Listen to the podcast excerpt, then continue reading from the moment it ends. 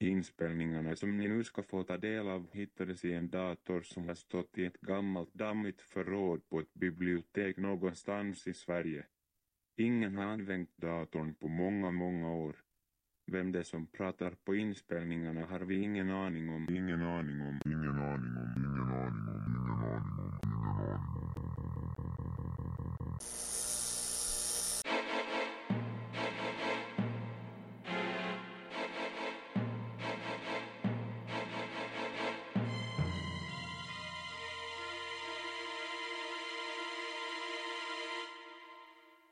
Mina vänner, att vandra i skogen kan vara ett äventyr. Ni vet, vad som helst kan nästan hända. Man kan råka få i sig alldeles för söta bär. Få känna den kvalmiga stanken av blommor. Eller av misstag få se den äckligt röda solen sjunka ner bakom trädtopparna. Obehagligt, jag vet. Men ibland måste man bara ge sig ut i vildmarken för att få ro i sin skrumpna själ. Jag känner mig fridfull bara jag tänker på spindlarna med sina ludna, sprittande ben som finns där. För att inte tala om ormarna som slingrar sig så festligt. Och ibland kan man till och med stöta på ett livslevande monster. Eller en förrymd mördare. Mys. Nu ska ni få höra några ganska makabra historier som utspelar sig i skogen. Den första historien jag ska läsa heter i original Camp Killer. Du hittar den på sajten scaryforkids.com. Mac Tolliver var en pojke som bodde med sina föräldrar på en gård precis i kanten till en stor och vidsträckt skog. Familjen var rik och ägde mycket mark. Men deras lycka vände och plötsligt gick affärerna inte så bra längre. De var tvungna att börja sälja av sin mark. De sålde område efter område och snart hade de ingen mark kvar. Skogen var det bästa Mac visste och när han insåg att familjen inte ägde någon skog längre där han kunde leka blev han helt förtvivlad. Förtvivlan övergick snart i vrede och ilska. Mac kunde inte förstå hur föräldrarna kunde göra sig av med hans träd, hans stenar och stigarna som han hade vandrat på varje dag under hela sin uppväxt. Han blev mer och mer hatisk och till slut slog det över i ren galenskap. En mörk natt, då föräldrarna sov som djupast, smög han in till dem och mördade dem med en vass kökskniv. Kropparna hittades av polisen några dagar senare. De var upphängda i taket och under varje kropp hade det bildats en rejäl pöl av blod. På den vita väggen bakom kropparna stod det skrivet med blod. Ni skulle inte ha sålt skogen. Undertecknat Mac Tolliver. Sedan den dagen såg ingen någonsin till pojken igen. Några år senare byggdes en camping på Tolvers gamla ägor. Gården fanns fortfarande kvar, men huset var numera ganska förfallet och öde. Redan första sommaren som campingen öppnade inträffade något märkligt. Två kampar försvann spårlöst efter en skogspromenad. En skallgångskedja sattes in för att finna de två och redan den andra sökdagen återfanns de. Personerna som hittade dem var i chock. Det visade sig nämligen att kamparna hängde livlösa från den nedersta grenen på en enorm ek. De hade blivit knivmördade och upphängda. Och blodet droppade från deras kroppar. På ekens stam stod det skrivet med blod. Håll er borta från min skog. Undertecknat Mac Tolliver. Sommaren därpå satt ett gäng ungdomar kring en lägereld på campingen. Det var en sen kväll och deras lägerledare berättade historien om McTolliver. Ungdomarna var alldeles bleka av skräck. Lägerledaren, som hette Steve, älskade att skrämmas och han hade fått en idé. Han föreslog att de alla skulle gå in i familjen Tollivers gamla hus. För att göra det hela extra kusligt skulle de inte gå samtidigt allihopa. En och en skulle de följa med honom in i det förfallna huset medan de övriga väntade utanför tillsammans med Dave, den andra ledaren. Alla lägerdeltagarna var genast med på noterna. De var självklart rädda, men samtidigt otroligt nyfikna på hur det såg ut i det gamla huset. Endast en pojke var tveksam till att besöka huset. Han kallades Cam och var väldigt tyst och blyg. Tystlåtenheten och det faktum att han var mindre än de andra gjorde honom till en perfekt hackkyckling. Han fick varje dag elaka ord kastade på sig av de andra lägerdeltagarna. När han nu sa nej till ett besök i det ödsliga huset skrattade genast de andra. Steve såg detta och blev förbannad. Han skällde på mobbarna och tog sedan Cam i handen. Vi går in först du och jag, sa han. Kanske skulle de andra sluta retas om Cam blev den första att vandra genom huset. Han kanske rent av skulle få lite respekt. Steve själv skulle gå med honom och lugna honom under hela promenaden. Så rädslan som han kände skulle nog snart ge med sig. Steve och Cam började vandra mot huset. De övriga ungdomarna stod spänt och tittade när Steve klev fram till den brunbetsade ytterdörren och ryckte till. Låset gav genast vika. I rummet innanför var det alldeles svart. Steve tog några steg in i mörkret och drog med sig Cam. Sedan blev allt tyst och stilla. Inte ett ljud hördes, förutom vindens rörelser i buskarna och träden. De andra ungdomarna väntade otåligt på att Steve och Cam skulle komma ut igen. Det gick fem minuter, tio minuter, tjugo minuter. Ingenting hände. När det hade gått en halvtimme beslutade Dave att de skulle gå in allesammans och ta reda på vad som hade hänt. I ärlighetens namn misstänkte han starkt att det här var ett av Steves alla bus. Steve älskade pranks och han och Cam skulle givetvis hoppa fram och skrämma dem allihop så fort de kom in i huset. Dave var på helspänn när han klev in i huset med ungdomarna tätt efter sig. Han hatade att bli skrämd och gick där som en levande fiolsträng. Kanske var Steve bakom bordet där borta. Eller inne i garderoben i sovrummet. Han och ungdomarna letade febrilt igenom hela undervåningen. Men utan att hitta vare sig Steve eller Cam. Då hörde de ett dunkande ljud. Dunket kom från övervåningen. Där hade de inte letat. Försiktigt och lite tvekande gick de tillsammans upp, ett trappsteg i taget. Väl uppe på övervåningen hördes dunkandet ännu tydligare. Det verkade komma från det enda rummet som låg på den vänstra sidan om dem. Dave råkade veta att det var just i detta rum som Mac mördade sina föräldrar. Han gick fram till dörren och la örat emot.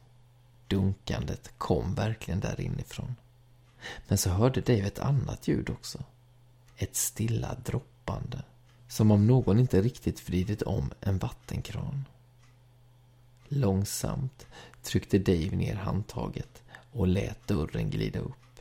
Både han och ungdomarna bakom honom höll andan. Vad de möttes av var en fruktansvärd syn. I taket hängde Steve med ett rep runt halsen. Hans ansikte var lila och hans ögon stirrade tomt rakt fram. Någon hade skadat honom med en kniv och hans blod droppade ner på golvet. Samtidigt gungade hans kropp långsamt fram och tillbaka och hans fötter slog hela tiden emot väggen. Bakom honom stod det skrivet med blod på den vita väggen. Jag är tillbaka. Undertecknat Cam Revilot. Läs det namnet baklänges om ni vågar. Nu ska jag berätta en historia som bygger på en berättelse som jag hittat på sajten darknessprevails.org. Den är skriven av signaturen Bob och vi kan kalla den Var det Jersey-djävulen jag såg? Jag har sett mycket i mina dagar som jag har svårt att förklara, främst ute i skogen. Jag har nämligen spenderat otaliga timmar där ute i buschen. Min far var militär och en skogsmänniska utan dess like. Han älskade naturen och tyckte om att utmana sig själv genom att ge sig ut på strapatsfyllda vandringar med endast sovsäck som packning. Av någon anledning ville han även att jag skulle klara av att leva i skogen utan för många moderna hjälpmedel. Jag fick lära mig den hårda vägen. Flera gånger årligen under min uppväxt lämnade pappa av mig mitt ute i skogen. Han trodde att jag genom att vara ensam i skogen skulle lära känna den. Och till viss del hade han väl rätt. Jag lärde mig att leva på det skogen hade att erbjuda. Jag åt bär, svamp, granskott och till och med rötter. Jag lärde mig att tillverka redskap och enkla vapen. Men jag lärde mig också att det finns varelser i skogen som de flesta inte tror existerar. Otäcka, ondskefulla varelser som många gånger skrämde mig så mycket att jag kunde gråta timmar i sträck efter att jag skymtat dem. Den märkligaste varelse jag mött stötte jag på när jag var elva. Pappa och jag skulle hälsa på släktingar i Maine och vi hade det ganska trevligt i bilen. Vi lekte gissningslekar och lyssnade på radio. Men plötsligt svängde pappa av från motorvägen och började leta sig fram på allt smalare skogsstigar istället. I början passerade vi en hel del hus, men snart tog skogen över helt. Där skogen var som tätast stannade pappa. Jag förstod direkt vad som var i görningen och jag tog utan att protestera emot kompassen, kniven, pilbågen och vattenflaskan som pappa räckte fram. Jag klev ur bilen och pappa drog iväg med en rivstart. Två veckor klarar du dig, ropar han. Sen kommer jag och hämtar dig. Nu stod jag där, helt ensam i skogen och önskade innerligt att jag skulle klara mig ur denna knipa. Den första tiden ägnade jag mig åt grundläggande överlevnadsknep. Jag byggde ett vindskydd, jag letade upp en källa med drickbart vatten och jag gjorde en karta över området i huvudet. De första dagarna var ganska behagliga. Det måste ha varit under den fjärde eller femte dagen som jag hörde skriken för första gången och allt förändrades. Det lät som en kvinna i total panik som skrek. Vad var det som hände? Bergslejon fanns inte här i östra USA, det visste jag. Och björnar behövde man inte direkt vara rädd för.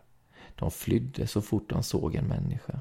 Så det var knappast en rovdjursattack som kvinnan utsattes för. Det måste vara något annat som hon blivit så fruktansvärt skrämd av. Skriken fortsatte och jag följde den, men jag fann ingen kvinna. Och inget annat heller som var märkligt, förutom några halvätna ekorrar som låg i en glänta. Till slut upphörde skriken och jag slutade leta. Men en stund senare, när jag krypit ihop för att sova, återkom skriken igen. Skrämd satte jag mig kapprakt upp och spanade ut i natten. Men ingenting konstigt såg jag. Skriken fortsatte. Några nattliga expeditioner för att ta reda på var ljuden kom ifrån vågade jag inte göra. De här ljuden var så otäcka och de kom från olika håll hela tiden. Precis som om den som skrek kretsade i en cirkel runt mig. Var det en total galning jag hade att göra med? Skriken skrämde mig mer och mer och till slut låg jag och skakade i mitt vindskydd. Jag väntade hela tiden på att skrikandet skulle komma närmare. Att den där galningen plötsligt skulle stå framför mig. Men så blev det inte. Framåt soluppgången tystnade plötsligt skriken och jag kunde äntligen komma till ro. Jag var väl medveten om att den där obehagliga varelsen mycket väl kunde finnas kvar någonstans i närheten. Men nu orkade jag helt enkelt inte vara på min vakt längre. Så jag slöt ögonen och somnade. När jag vaknade var klockan redan fram emot tolv och solen sken från en klar men kall himmel. Medan jag gick och letade efter någonting att äta såg jag att det fanns avtryck från människohänder lite här och var på de platser där marken var lite lerigare. I övrigt såg jag bara spår från djur av olika slag. Inga mänskliga fotavtryck, konstigt nog. Dagen gick ganska fort. Jag ägnade mig främst åt att plocka bär. Hela tiden hade jag en molande oroskänsla i kroppen. Jag var så sanslöst rädd för att skriken skulle återkomma när det började skymma. Klockan blev sju och åtta utan att någonting hände. Jag gjorde upp en eld och la mig ner ganska nära den. Jag tittade på den fina kvällshimlen. Allt fler stjärnor visade sig. Och jag hade just börjat känna mig harmonisk och tillfreds då skrikandet började igen. Samma kvinnoröst som kvällen innan. Men den lät ännu mer desperat ikväll. Skriken var gällare och ibland fick jag för mig att det var gråt jag hörde. Ett hulkande ljud mellan skriken. Så plötsligt förändrades ljudet. Skriken och gråten övergick till någonting som lät som mummel och viskningar. Efter en stunds koncentrerat lyssnande kunde jag urskilja orden. Men vilka ord! De fick mig nästan att svimma av skräck. Lämna, viskade rösten. Lämna, lämna. Och sedan, jag vill inte döda, inte döda, så lämna. Som jag sprang. Aldrig har väl sprungit så fort. Rakt ut i skogen sprang jag. Jag snubblade fram över grästuvor och hala rötter. I säkert en timma sprang jag innan jag kastade mig in under en stor gran. Under detta väldiga träd spenderade jag sedan natten. De första timmarna fick jag ingen sömn alls. Jag väntade bara på att den där varelsen skulle komma efter mig. Men allting var tyst och lugnt. Min kropp var alldeles slut efter språngmarschen och snart kom sömnen. När jag vaknade nästa dag började en plan ta form i mitt huvud. Det var en enkel plan. Jag skulle ta mig tillbaka till min första lägerplats. Där skulle jag hämta de saker som jag skulle kunna behöva de närmsta dagarna. Kompassen hade jag i fickan, men kniven och vattenflaskan skulle jag ha användning av. Det var ändå en vecka till som jag var tvungen att överleva i denna dunkla skog innan pappa skulle plocka upp mig. Motvilligt började jag min vandring tillbaka till platsen för alla obehagligheter som jag upplevt de senaste dagarna. Under flykten natten innan hade jag då och då tittat på kompassen för att försäkra mig om att jag inte sprang i cirklar. Det hade jag nytta av nu. Jag visste att jag hade flytt rakt söderut. Så då var det bara att vandra norrut nu. Jag måste ha sprungit oerhört snabbt under natten. För sträckan som jag då avverkat på en timma tog nu närmare två timmar att gå. Klockan började närma sig ett på dagen då jag skymtade lägerplatsen mellan träden. Av någon anledning kände jag ingen större oro. Den där varelsen som ville skrämma bort mig hade ju aldrig visat sig under dagtid, så varför skulle den göra det nu? Målmedvetet gick jag fram till mitt gamla vindskydd. Mina saker låg där precis som jag lämnat dem natten innan. Jag tog kniven och vattenflaskan och skulle just plocka upp pilbågen som låg slängd där bredvid då jag hörde ett märkligt fräsande ljud. Det lät som en ilsken katt. Det jag såg när jag tittade upp skrämde mig så till den milda grad att jag satte mig pladask på marken. Där, bara någon meter framför mig, stod en helt osannolik varelse. Den var i storlek med ett rådjur, fast kraftigare byggd. Bakbenen påminde om en hunds, men frambenen hade inte tassar utan händer som en människa. Händer försedda med kraftiga, böjda klor. Men det som verkligen skrämde mig var ansiktet. Det var en människas ansikte. Samma typ av mun, näsa, ögon som du och jag. När varelsen såg att jag betraktade den sprack munnen upp i ett brett leende som blottade sylvassa tänder. Samtidigt spärrades ögonen upp som på en fullständigt galen person. Den tog några steg emot mig och gjorde plötsligt ett utfall. I samma stund höjde jag pilbågen och drämde till besten med all den kraft jag kunde uppbåda. Sen sprang jag. När jag kommit ungefär 30 meter hörde jag ett skrik så fruktansvärt att det är omöjligt att beskriva. Det var en kvinnas skrik och det var fyllt av sorg och ilska. När jag vände mig om stod varelsen kvar på samma ställe som förut. Med sin tunga slickade den benet som jag uppenbarligen hade träffat med bågen. Sedan skrek den med gäll röst. Pojke dö. den gjorde ett försök att springa ikapp mig. Men det var tydligt att benet hade fått sig en ordentlig smäll. Haltande lommade varelsen emot mig, men gav strax upp och satte sig för att slicka på det onda återigen. Jag småsprang söderut och återvände aldrig till platsen där jag mött varelsen. Istället skapade jag ett nytt vindskydd en halvtimme bort, där jag spenderade de sista dagarna. Aldrig har jag varit så lättad som då jag hörde en bil långt borta och förstod att pappa letade efter mig längs den lilla väg på vilken han hade slängt av mig. Vi möttes alldeles i närheten av där jag hade sett odjuret, men inte tillräckligt nära för att jag skulle bli orolig. Pappa kramade om mig och sa att jag var duktig och jag hatade honom så mycket. Så intensivt avskydde jag honom att jag skulle ha kunnat strypa honom. Men istället höll jag om honom och viskade.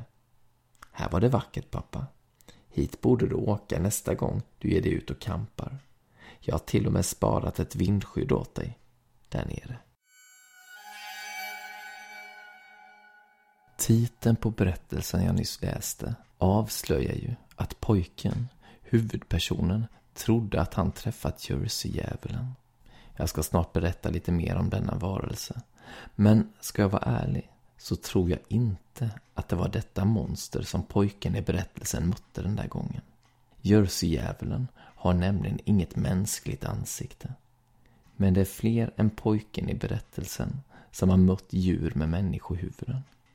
I County Louth på Irland inträffade något märkligt 1966.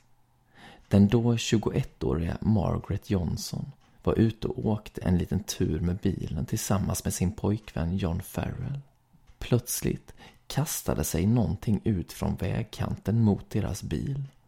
Det unga paret tvärbromsade och lyckades undvika att krocka. När de såg vad som stod framför dem blev de alldeles chockade.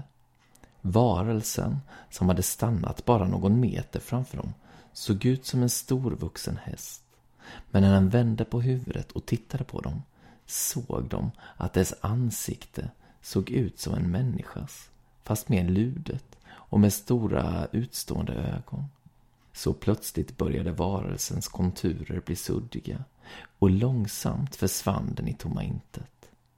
Margaret blev så omskakad av händelsen att hon insjuknade och fick ligga till sängs i flera dagar. Om vi nu fokuserar på Jersey-djävulen så sägs den istället ha ett hästhuvud. Vidare lär den ha hovar, gigantiska fladdermusvingar och en kluven svans. Enligt sajten ungafakta.com sägs Jersey-djävulen röra sig i området kring Pine Barrens i New Jersey, USA. Området består främst av dyster och mörk barrskog. På denna plats skedde något mycket märkligt för snart 300 år sedan. Det ska då ha bott en häxa där som kallades för Mor Leeds. Hon sägs ha haft en kärleksaffär med djävulen. En stormig och mörk natt 1735 födde hon ett barn i sin stuga. Barnet såg från början ut som vilket barn som helst. Men bara någon minut efter födseln förvandlades det till ett monster och flög ut genom skorstenen. Monstret ska sedan under de kommande dagarna ha hemsökt byarna i närheten, men flydde därefter ut i skogen. Fem år senare gav sig ett större antal präster ut i vildmarken och läste böner som skulle hålla det djävulska monstret borta i hundra år. Och det verkade faktiskt till viss del fungera. För det skulle dröja till början av 1800-talet innan Jersey-djävulen sågs till igen. Då ska soldater som övade i ett skogsområde plötsligt fått syn på en märklig flygande varelse som svävade över deras huvuden. Trots att de öppnade eld mot den tycktes den helt oberörd och försvann bakom en bergsknalle. Kejsar Napoleons bror jagade mycket i trakterna kring New Jersey och han sa sig också ha mött Jersey-djävulen vid ett flertal tillfällen. Mot slutet av 1800-talet beskylldes varelsen för att ha tagit död på får och hönor och lämnat märkliga spår efter sig. Många människor var då så rädda att de inte vågade ge sig ut efter mörkrets inbrott. Den 17 till 23 januari 1909 sågs Jersey-djävulen av inte mindre än tusen personer i New Jersey och Philadelphia. Polismän sägs ha skjutit på en mystisk flygande varelse och man hittade konstiga spår överallt. Spåren fanns på hustak och fasader. Varelsen verkade helt obehindrat ha rört sig uppför och nerför väggar. I Bristol såg polismästare Minister en fågelliknande varelse med hästhuvud som flög förbi ovanför hans huvud. Varelsen ska dessutom ha givit ifrån sig alldeles fruktansvärda skrik. En pastor vid namn John Purcell såg djävulen fara förbi på himlen i Pemberton. Pastorn blev svårt chockad och jägare gav sig ut på jakt efter varelsen. De hittade kusliga spår som de följde över hustak och ner i tunnlarna under stadens gator. Slutligen ledde spåren ut i skogen där de plötsligt bara upphörde. Under de märkliga dagarna 1909 påstod sig minst två personer ha sett hur Jersey-djävulen dog eller i alla fall blev svårt skadad. Rälskontrollanten William Vasso sa sig ha sett en vedervärdig varelse gå längs med järnvägsspåren mellan Clayton och Newfield. Plötsligt stannade den upp och böjde på huvudet som för att undersöka rälsen. När dess nos rörde vid spåren blev det kortslutning och en våldsam explosion uppstod. Sex meter av rälsen smälte och en stor krater bildades. Det vore helt osannolikt att något levande kan ha överlevt en sådan smäll. Men redan samma eftermiddag jagades en kvinna vid namn J. H. White av besten. Dagen efter sägs en viss Howard Campbell ha skjutit Jersey-djävulen. Skottet som Campbell avfyrade med sin pistol bröt varelsens vinge och den föll till marken med ett blodisande skrik. Efter bara någon sekund reste den sig dock och försvann med långa kliv in i skogen. Under hela 1900-talet såg människor Jersey-djävulen med jämna mellanrum. Den sägs bland annat brutalt ha dödat fåglar, katter och andra djur. 1987 hittade man en stor schäfer helt söndersliten i Vineland. Runt den döda hunden fann man väldigt märkliga fotspår som stämde väl in på beskrivningen av de spår Jersey-djävulen brukade lämna efter sig. En mystisk detalj är att Jersey-djävulen ofta har visat sig strax innan krigsutbrott. Kan detta vara ett sammanträffande eller vill varelsen i själva verket varna för ett annalkande krig? Det råder delade meningar kring om Jersey-djävulen verkligen har funnits. Vissa forskare påstår att människor bara inbillat sig och jagat upp varandra. Andra gissar att jerseydjävulen i själva verket var en stor trana. Tranor har ju långa ben och stora vingar. Och dessutom har de ett konstigt läte. En professor vid namn Bralhopf har en lite mer vågad teori. Han har påstått att jerseydjävulen mycket väl kan vara en flygödla som överlevt sedan dinosaurietiden. Funderingarna kring jerseydjävulen är många. Men troligtvis kommer den stora gåtan om detta flygande monster förbli olöst. Någonstans i närheten av Huntsville i sydvästra Kanada finns ett övergivet vildmarksläger en bit in i skogen. För många år sedan var det vanligt att föräldrar skickade sina barn dit under skolloven. Lägerledarna mötte upp barnen vid den större vägen i närheten och så vandrade man tillsammans genom skogen och fram till lägret. Det gick rykten om att lägret var byggt på en plats där en religiös sekt begick kollektivt självmord 30 år tidigare. Sektens ledare ska ha strypt alla sina lärjungar till döds innan han själv tog sitt liv. Därför var det aldrig några barn från Huntsville som kom till lägret. Deras föräldrar känner allt för väl till de obehagliga ryktena. Barnen på lägret kom från städer längre bort dit ryktena ännu inte nått. En kväll i början av augusti föreslog ledarna på lägret att man skulle leka en nattlig kurragömmalek. Alla de cirka 20 barnen som fanns på plats var genast med på noterna. Det här skulle bli spännande.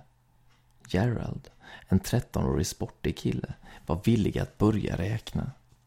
För att ge honom en extra utmaning bands han fast vid ett träd. När han hade räknat till hundra skulle han först krångla sig ur repen innan han kunde börja leta. Alla barn sprang åt olika håll för att hitta det perfekta gömstället. De kröp ihop bakom stenar, gömde sig uppe i trädkronorna och la sig raklånga bakom stockar. Sedan var det bara att vänta på att Gerald skulle komma.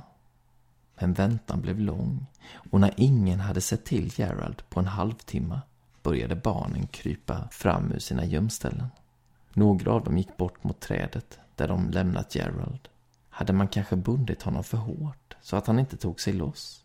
En flicka vid namn Lisa, som var modigast av barnen, var först framme vid trädet. Synen hon möttes av var fruktansvärd. Gerald stod fortfarande bunden vid trädet. Men räknade gjorde han inte. Han var nämligen död.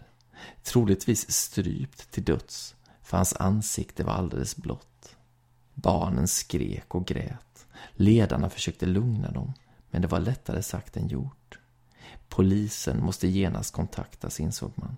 Men så här en bit in i skogen fanns det inga fungerande telefoner. En av ledarna började istället springa genom skogen för att ta sig till sin bil vid Stora vägen. Därifrån skulle han sedan åka in till staden och polisstationen. Barnen och den ledare som fanns kvar samlades kring lägerelden. De diskuterade vad som hade hänt och kom snart fram till att det mest troliga var att det var någon av deltagarna på lägret som mördat Gerald. För att bevisa sig oskyldiga fick var och en runt elden därför berätta var de hade gömt sig och vilka andra barn de hade sett under den tid då Gerald stod vid trädet och räknade. En efter en avslöjade de sina gömställen och alltid fanns det något annat barn som hade sett dem och således kunde bekräfta att de talade sanning. Till slut var det bara ledaren kvar. Var gömde du dig? frågade en flicka. Ledaren svarade inte. Han stirrade bara tomt framför sig. Barnen fortsatte att pressa honom. Svara då, nästan skrek de. Ledaren fortsatte att stirra ut i tomma intet. Men någonting hände i hans ansikte. Ett leende började växa fram. Ett leende som bara blev större och större och obehagligare och obehagligare för varje sekund som gick. Så plötsligt hördes sirener i fjärran. Polisbilarna var framme vid Stora vägen. Nu skulle det bara dröja tio minuter innan poliserna hade avverkat språngmarschen genom skogen. Räddningen var nära. Då reste sig ledaren upp och såg på vart och ett av barnen runt lägerelden. Han log fortfarande stort medan han sa Nu ger jag mig av, men vi ska ses igen. Och då ska er ansiktsfärg bli blå. Sedan sprang han rakt ut i skogen och sågs aldrig till igen. Detta skedde för länge sedan och berättelsen kan ha förändrats under årens lopp. Men det sägs att inget av barnen som satt kring lägerelden den där natten lever idag.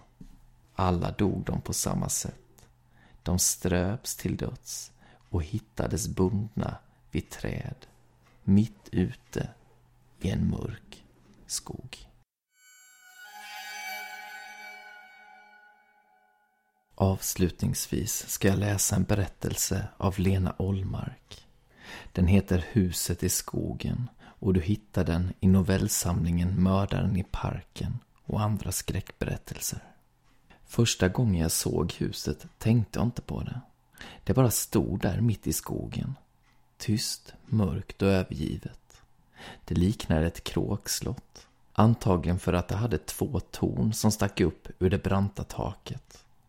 Det enda konstiga var att jag inte lagt märke till huset tidigare. Jag cyklade ju hem från skolan varje dag och tog alltid genvägen genom skogen. Det var bara någon månad efter att jag och mina föräldrar flyttat hit. Jag minns att jag var glad över att jag just lärt känna Peter. Det var något sorgligt över huset. De mörka fönstren såg ut som ögon. Jag fick en känsla av att det tittade på mig när jag cyklade förbi. När jag vände mig om tycktes det följa mig med blicken. Men det var inte förrän jag berättade för Peter om huset som det blev riktigt märkligt. Han förstod inte vad jag pratade om. Han hade bott i området i hela sitt liv och han hade aldrig hört talas om något ödehus i skogen. Jag skrattade och lovade att visa det för honom. Den eftermiddagen cyklade vi tillsammans från Peters hus hem till mig genom skogen. De slingrande stigarna var välbekanta. Jag tog till höger vid den stora tallen, till vänster vid den stora stenen. Sedan var det rakt fram, förbi gläntan med blåbärsriset. Men när jag sedan svängde vänster och förväntade mig att se de mörka fönstren var det någonting som inte stämde. Huset var inte där. Jag stannade upp och såg mig omkring. Det hördes ett stilla fågelkvitter i den andas tysta skogen.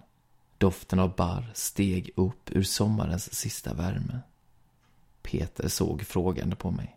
Jag förklarade att jag måste ha cyklat fel. Vi vände om medan jag försökte komma på var jag borde ha valt en annan väg. Jag hade cyklat här så många gånger de senaste veckorna. Det kändes märkligt att jag inte skulle hitta. Vi försökte igen. Den här gången cyklade vi rakt genom skogen och kom ut på andra sidan. Vi såg inte huset den gången heller. Efter att ha letat i en timma gav vi upp. Jag visste inte vad jag skulle säga eller tro. Det var så konstigt. Peter försökte trösta och säga att han trodde på mig.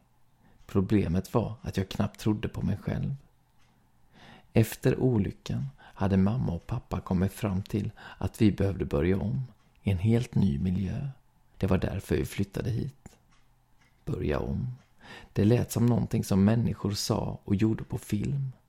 Men hur fungerar det egentligen i verkligheten? Det var så konstigt att livet bara gick vidare, trots att allt var förändrat. Jag var förändrad. Ingenting var sig likt efter branden. Mamma och pappa pratade aldrig om olyckan. Men de tänkte på den hela tiden. Det märkte jag. Ibland när jag kom in i ett rum så tystnade de plötsligt. Det gjorde de för att vara snälla, för att inte påminna mig. Det hade ju varit mitt fel. Jag hade varit barnvakt.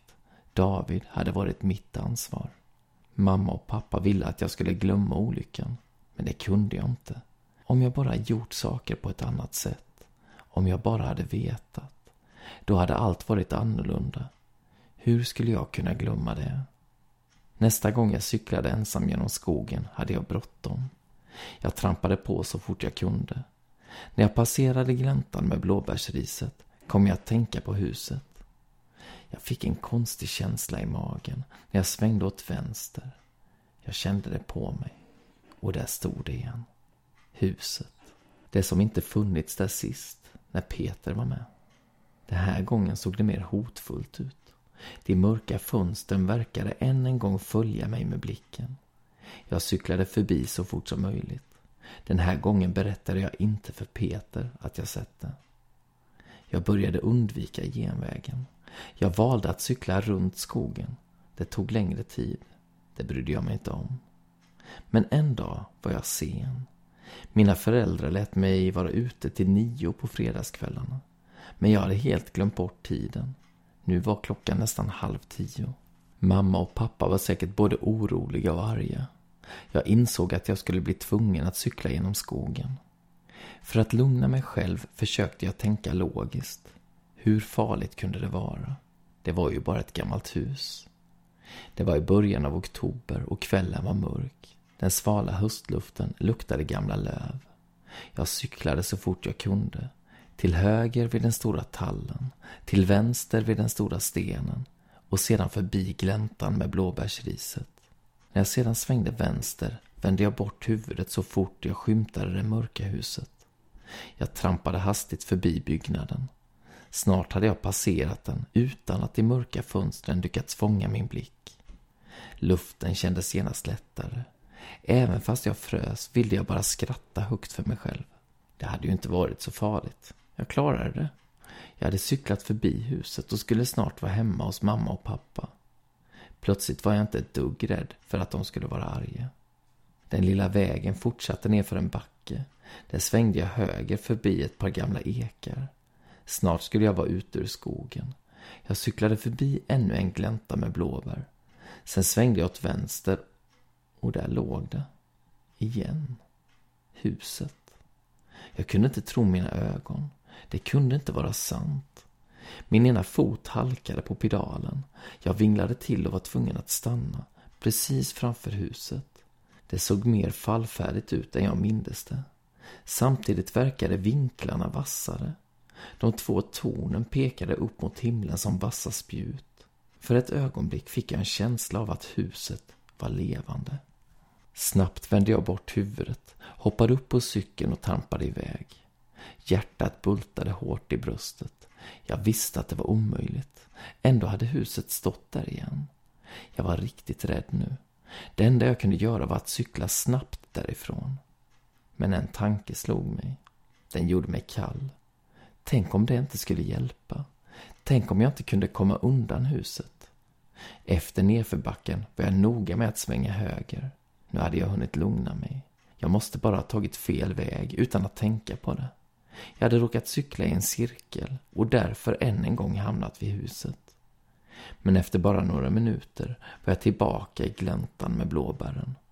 Jag stannade. Plötsligt märkte jag hur tyst det var i skogen. Inga fåglar, inget sus i löv och grenar. Luften stod helt stilla. Jag tog ett beslut. Jag brydde mig inte om att jag skulle komma hem ännu senare. Mamma och pappa fick bli hur arga de ville. Jag tänkte vända om, cykla ut ur skogen och istället ta omvägen runt både skogen och huset. När jag vände cykeln föll min väska av pakethållaren. Jag skyndade mig att sätta fast den igen. När jag sedan tittade upp fick jag svindel. Framför mig stod huset igen. Det var inte möjligt. Jag fick en tung klump i halsen. Höll jag på att bli galen? De stora fönstren gapade mot mig. Med en rysning såg jag min spegelbild i ett av dem. En hastig rörelse skymtade där inne. Mitt hjärta bultade. Jag ville vända om och springa därifrån. Men jag kunde knappt röra mig. Jag var helt skräckslagen. Samtidigt visste jag vad jag måste göra. Krampen i strupen gjorde det svårare att andas, men jag insåg att jag vetat det sedan jag sett huset första gången. Det knarrade i trät i den lilla trappan. Dörren gick upp med ett klagande gnissel. Det luktade instängt. Jag tog ett steg in i huset medan mina ögon försökte vänja sig vid mörkret. Huset kändes större på insidan än på utsidan. En trappa ledde upp till en övervåning. I de ödsliga rummen stod några möbler övertäckta med lakan. Det tycktes inte finnas några färger. Samtidigt fick jag en känsla av att jag varit där förut. Så hörde jag någonting. Ett klingande skratt från en liten pojke. Det var så bekant att jag tappade andan. Det gick inte att höra var skrattet kom ifrån. Skrattet verkade komma inifrån väggarna. Jag rörde mig långsamt från rum till rum. Ute i hallen hördes skrattet tydligare. Nu lät det som om det kom från övervåningen. Jag började gå upp för trappan. Den var brant och verkade bli längre och smalare för varje steg jag tog. På övervåningen fanns en korridor. Längst bort stod en dörr öppen. Ett varmt ljus sken ut i korridoren. Någonting rörde sig där inne. Jag gick närmare. Och då såg jag honom. Min lillebror David satt på golvet inne i rummet och lekte med lego. Han fick syn på mig och sken upp i det där fantastiska leendet.